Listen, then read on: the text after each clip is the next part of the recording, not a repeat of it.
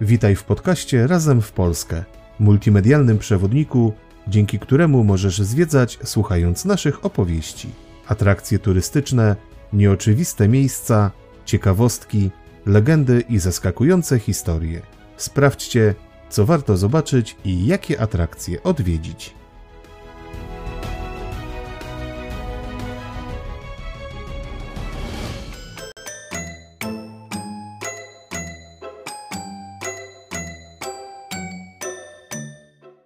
Odcinek piąty. Mroczne i niesamowite historie wrocławskiego rynku.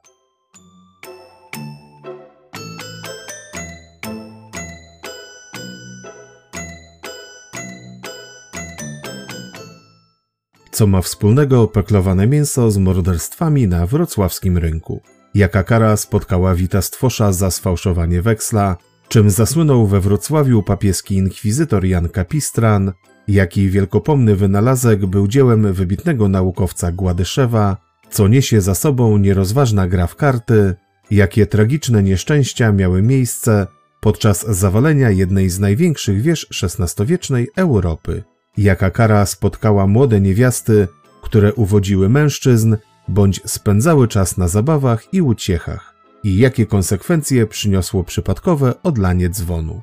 Dowiecie się tego słuchając kilku ciekawych i mrożących krew w żyłach historii ze stolicy Dolnego Śląska. Jeśli jednak należycie do osób wrażliwych, to odstawcie gorące napoje i ostre narzędzia, żeby przypadkiem nie doszło do kolejnego nieszczęścia.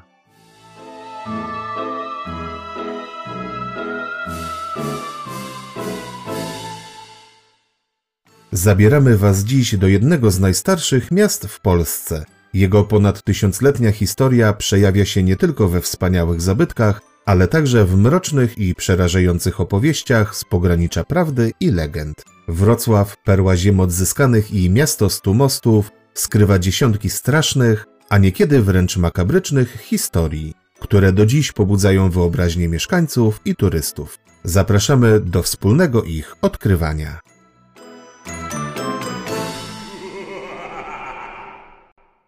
Rynek Starego Miasta.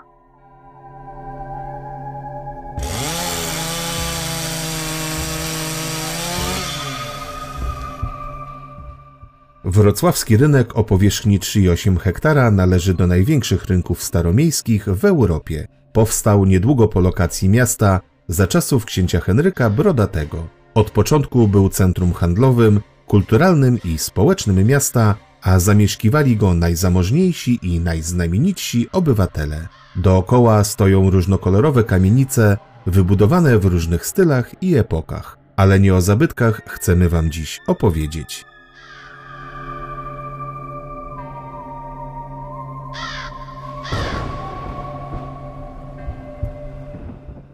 Wokół rynku swoje zakłady mieli rzemieślnicy. Jeden z nich był tak nieszczęśliwy, że pewnego razu postanowił odebrać sobie życie. Gdy po śmierci odkryła to jego żona, bała się przyznać rajcom, że popełnił samobójstwo. Tym bardziej, że wtedy nie mogłaby go pochować na przykościelnym cmentarzu. Postanowiła więc zwalić winę na nieszczęśliwy wypadek przy pracy. Odbył się piękny pogrzeb, po którym na rynku zaczęły dziać się dziwne rzeczy. Mieszkańcy zaczęli skarżyć się, że ktoś ich budzi w nocy, nawiedza w mieszkaniach, przestawia meble lub maszyny w zakładach. Psychoza ogarnęła całe miasto. Kiedy wieści te dotarły do wdowy, postanowiła wyjawić prawdę o śmierci męża. Gdy rozkopano grób, stwierdzono, że stopy zmarłego mają brudną i grubą skórę, tak jak u osób chodzących bez butów. Dla spokoju mieszkańców postanowiono pochować zmarłego poza murami miejskimi. Od tej pory już wszyscy mieszkańcy mogli spać spokojnie.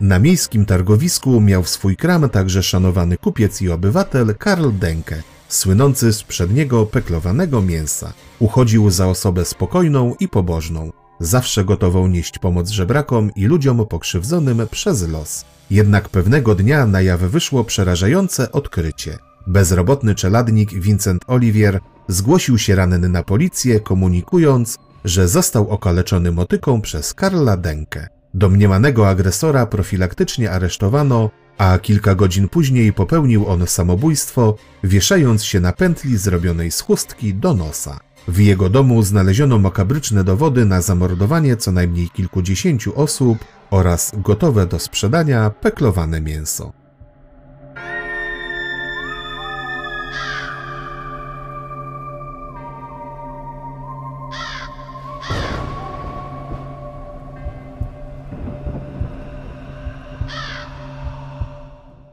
Jak na większości rynków, także i tu najważniejszym budynkiem jest ratusz. Ten wrocławski był świadkiem buntu mieszczan przeciwko panowaniu królów czeskich i ich przedstawicieli w Radzie Miejskiej. W 1418 roku podczas rewolty przez okna magistratu wyrzuconych zostało wielu rajców, a część z nich z burmistrzem na czele została zabita przed ratuszem. Po przeprowadzeniu egzekucji na władzach miejskich buntownicy wybrali własnych rządzących, którzy kierowali miastem w bardziej sprzyjający im sposób.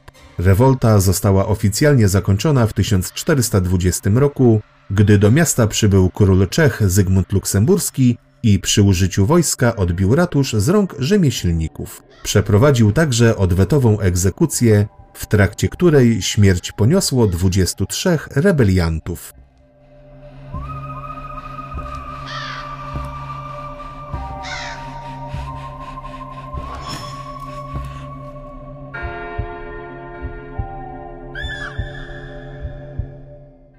Ważnym elementem wrocławskiego ratusza jest piwnica świdnicka, będąca najstarszą piwiarnią w Europie. Powstała w 1273 roku wraz z nadaniem Radzie Miejskiej przywileju wyszynku piw spoza Wrocławia wyłącznie w ratuszowej piwnicy. Początkowo była lokalem zarezerwowanym dla wyższych sfer, ale z czasem plebs wywalczył sobie prawo wstępu do niej. Niemniej jednak w celu utrzymania porządku i obyczajności wprowadzono regulamin, który między innymi zakazywał palić, przeklinać, składać przysięgi, grać w karty oraz kości, a także pluć na podłogę. Nad wejściem do piwnicy można zobaczyć dwie płaskorzeźby: pijanego, chwiejącego się mężczyzny i czyhającej na niego żony z pantoflem w dłoni. To ostrzeżenie dla tych, którzy zbyt ochoczo poddają się urokowi sprzedawanego tu piwa. Już na samą myśl o tym krew się w żyłach ścina.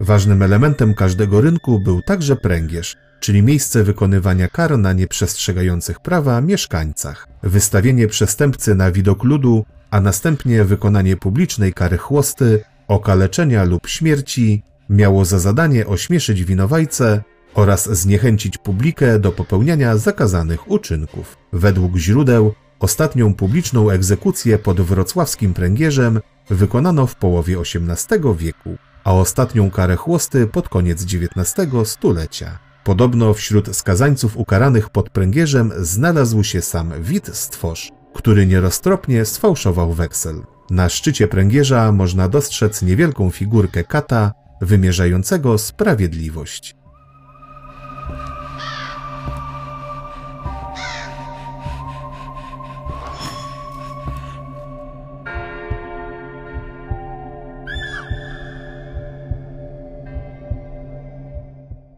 Ale pręgierz to nie jedyne miejsce, gdzie wykonywano kary. Słynna była także nieistniejąca już dziś klatka błaznów, do której zamykano osoby, które niezbyt gorliwie przestrzegały norm społecznych obowiązujących we Wrocławiu, na przykład delikwentów zachowujących się zbyt głośno podczas nocnych powrotów z karczmy. A że takich biesiadników nie było mało, może świadczyć wielkość klatki, która przewidziana była na 12 osób, choć znane są przypadki, gdy siedziało ich w niej znacznie więcej.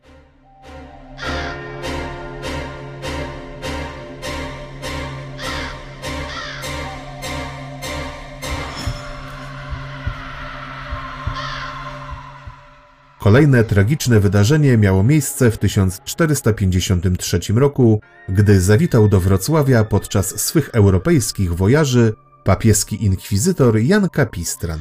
Ten wychudzony, Ubrany w zniszczony habit i z nieodłącznym atrybutem w postaci ludzkiej czaszki mnich, był autorem płomiennych kazań w obronie katolicyzmu. Wobec ewidentnego braku heretyków, żar swych kazań skierował przeciwko oligarchom i patrycjuszom, przeciw rozpuście i bogactwu. Pogłoski o dziesiątkach wskrzeszonych i niezliczonych uzdrowionych przez Jana nieszczęśnikach wzmacniały ufność i oddanie tłumów jego wezwaniom. Żar jego słów wybuchł pełnym płomieniem po Bożym Ciele 1453 roku, kiedy to ponoć wrocławscy Żydzi zbezcześcili hostię. Na czele komisji inkwizycyjnej stanął Jan Kapistran. Na placu solnym zaś odbył się pokazowy proces, w którym winnych poddano okrutnym torturom. 41 najbardziej zatwardziałych spalono na stosie, a pozostałych wygnano. Wydarzenia te upamiętnia iglica w kształcie płomienia, ustawiona na placu solnym.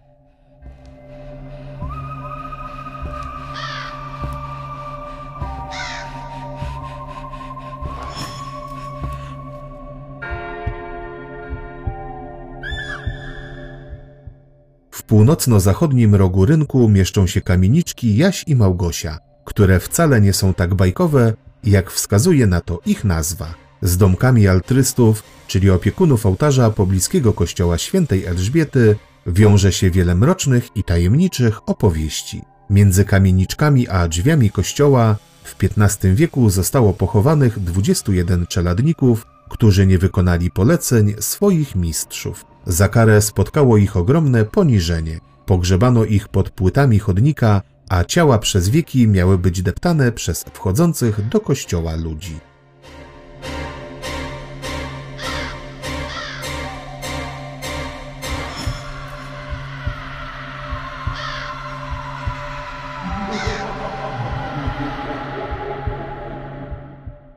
Większa kamieniczka Małgosia jest siedzibą Towarzystwa Miłośników Wrocławia. Mniejsza Jaś była swego czasu domem sztuki. Swą pracownię miał tam wrocławski grafik i rzeźbiarz Eugeniusz Getstankiewicz. Fasada Jasia ozdobiona jest dziełami artysty. Jedna z nich wzbudza wiele kontrowersji, ale jednocześnie zmusza też do refleksji. Jej tytuł nawiązuje do słynnego programu telewizyjnego prowadzonego przez Adama Słodowego Zrób to sam, Jaś jest również siedzibą Instytutu Gładyszewa. Kim był ten znakomity radziecki uczony? Do historii przeszedł jako odkrywca nowatorskiej metody pozyskiwania wysokoprocentowego alkoholu. Nie ze zboża czy buraków, tylko z łajna. Kilo łajna, kilo cukru i moc jest z wami. To niesamowite. Jak mawiał artysta, nie każdy może być Einsteinem, a Gładyszewami możemy być wszyscy.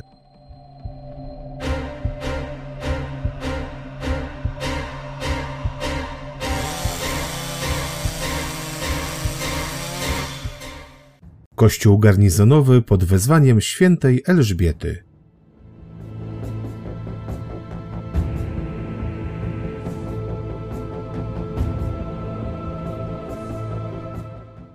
Tuż przy kamieniczkach znajduje się potężny gotycki kościół pod wezwaniem świętej Elżbiety. Wybudowany w XIV wieku przez katolików, na początku XVI stulecia został przejęty przez protestantów w dość nietypowy sposób. Otóż mistrz zakonu krzyżowców z czerwoną gwiazdą, którzy administrowali świątynią, niejaki Erhard Skultetus, miał jedną słabość. Uwielbiał hazard, a szczególnie grę w karty. Podczas jednej z zaciętych rozgrywek, gdy świt powoli pukał już w okna, wrocławski patrycjusz, podskarbi królewski i wierny wyznawca protestantyzmu, Heinrich von Ribisch, wyłożył na stół złoty łańcuch długi na chłopa. Skultetus pewien mocnych kart postawił prawa zakonu do kościoła świętej Elżbiety. Niestety, jak to bywa, los spłatał figla i w 1525 roku kościół trafił w ręce protestantów. Dopiero władze komunistyczne na powrót przekazały go kościołowi katolickiemu w listopadzie 1946 roku.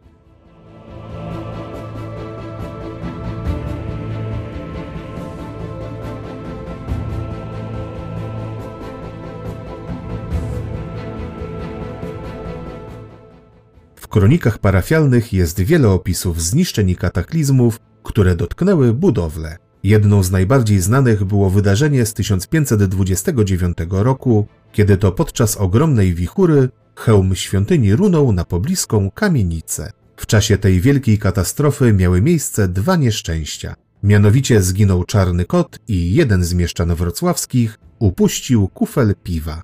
Tak niewielkie szkody wyjaśniano tym, że aniołowie unieśli opadającą część wieży, co zresztą obrazuje płaskorzeźba na fasadzie świątyni. Nikt nie zginął, tak więc protestanci uznali to za cud, katolicy zaś za karę boską za utratę kościoła w tak głupi sposób.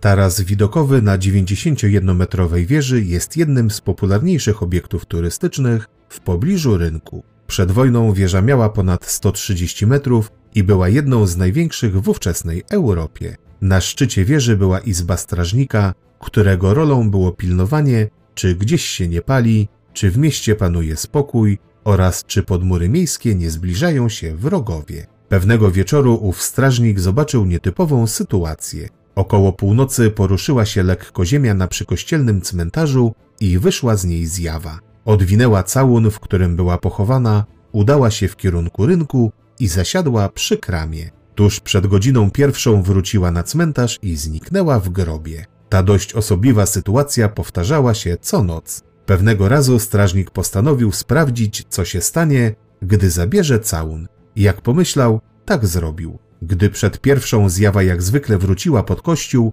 wściekła się, gdy nie znalazła całunu. Rozejrzawszy się wokół, wyczuła, że znajduje się on na wieży i z impetem ruszyła po ścianie. Jednak nim zdążyła się wspiąć na szczyt, zegar wybił pełną godzinę i zjawa runęła na ziemię. Gdy rano strażnik zszedł na dół, zobaczył leżące kobiece ciało. Rajcowie po naradzie z duchownymi stwierdzili, że trzeba je pochować, ale już nie na przykościelnym cmentarzu, tylko daleko poza murami miejskimi. Od tej pory zjawa nie pojawiła się już nigdy więcej.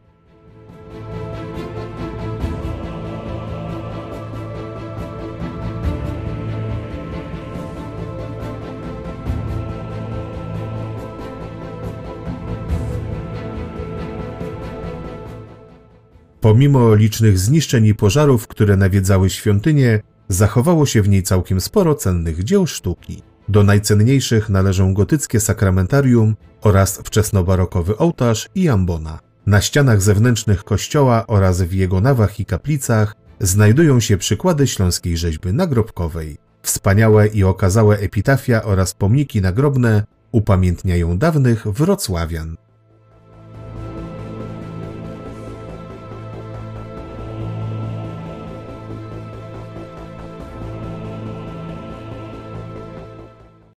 Uniwersytet Wrocławski.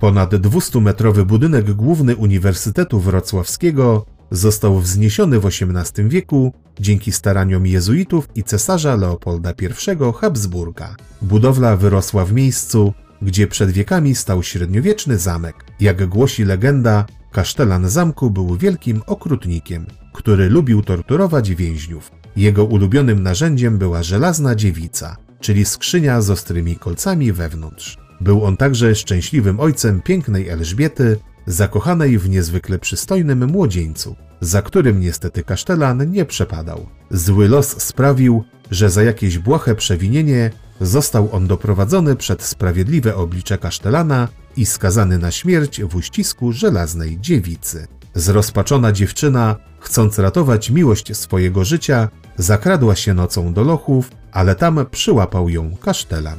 Szamotanina między ojcem a córką zakończyła się tragicznie. Kasztelan potknął się i wpadł do skrzyni swej ulubionej machiny, a wieko zatrzasnęło się momentalnie. Ostatkiem sił zdążył jeszcze przeklnąć nieposłuszną córkę. Klątwa rozdzieliła Elżbietę ze swoim ukochanym, a obecny budynek Uniwersytetu Wrocławskiego zyskał swojego ducha smutną dziewczynę błąkającą się korytarzami uczelni.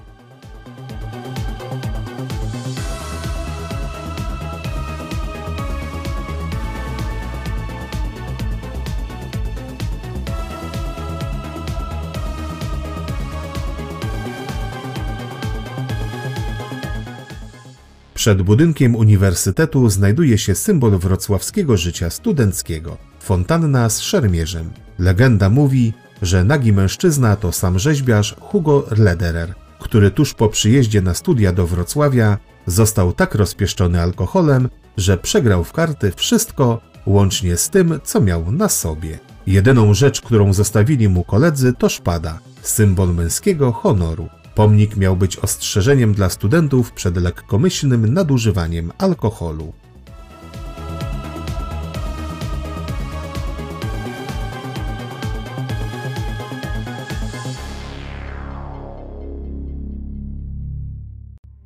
Katedra Świętej Marii Magdaleny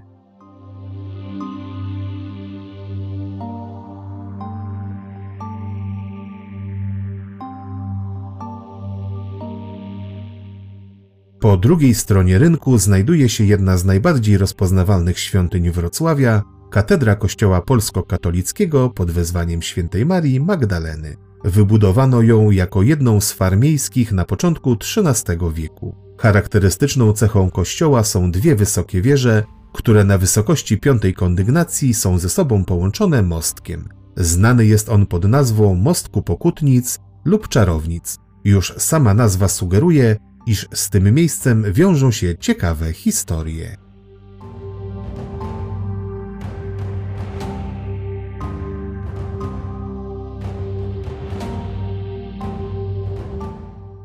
Nazwa Mostek Czarownic pochodzi z czasów polowania na czarownice, które na Dolnym Śląsku trwały nawet do XVIII wieku. Według legendy oskarżone o czary kobiety miały za zadanie przejść po owym mostku między kościelnymi wieżami. Jeśli im się to udawało, uznawano, że pomagał im w tym szatan, a kiedy spadały z niego, były uniewinniane.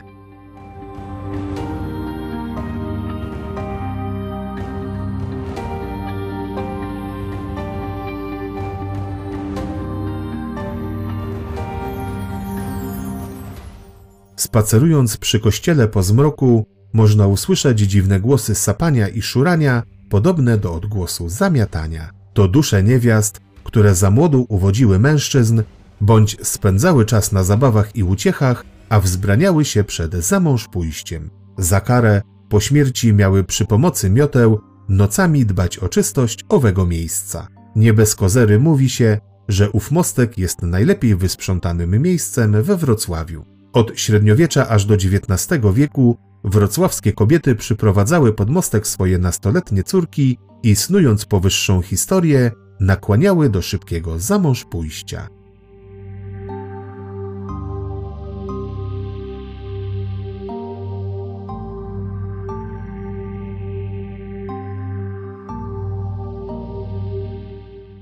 W 1945 roku w kościele stacjonowała armia radziecka, która uczyniła sobie z niego magazyn amunicji. Pewnego dnia doszło do przypadkowej eksplozji. W jednej chwili z obu wież kościelnych spadły renesansowe hełmy i przestał istnieć mostek Pokutnic, a panie miały przerwę w robocie, bo zniszczony mostek zrekonstruowano dopiero w 2001 roku. Przy okazji tej tragedii spadł także dzwon grzesznika, odlany w XIV wieku przez wybitnego ludwisarza Michaela Wilde. Według legendy gdy Wilde otrzymał na niego zamówienie, czynił długie przygotowania. Kiedy wszystko było już gotowe, mistrz postanowił zrobić sobie chwilę przerwy, udając się do karczmy. Na straży pozostawił czeladnika. Ciekawski młody człowiek przez nieostrożność odblokował kurek i cała zawartość tygla spłynęła do formy. Przestraszony pobiegł do swojego nauczyciela, by mu o tym powiedzieć i przeprosić.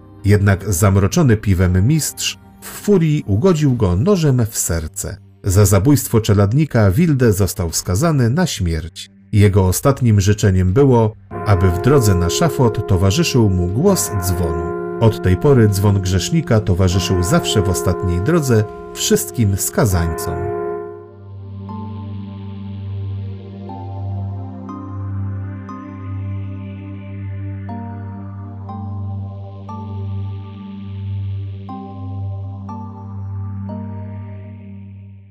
Dziś kościół jest jednym z najciekawszych we Wrocławiu obiektów sakralnych. Często odbywają się w nim koncerty i wydarzenia kulturalne. We wnętrzu znajdziemy trochę gotyckich rzeźb, oraz renesansową ambonę z drugiej połowy XVI wieku. By podziwiać dawne gotyckie wyposażenie, trzeba pofatygować się do Muzeum Narodowego we Wrocławiu, o którym film pojawi się już niedługo na naszym kanale.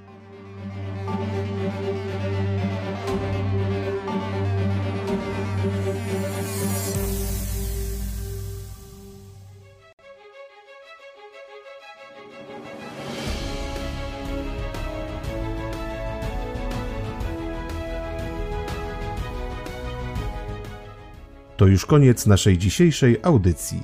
Przypominamy, że wszystkie atrakcje, o których tu dziś słyszeliście, możecie obejrzeć na naszym kanale Razem w Polskę na YouTube oraz przeczytać o nich w serwisie wypoczywamywpolsce.pl.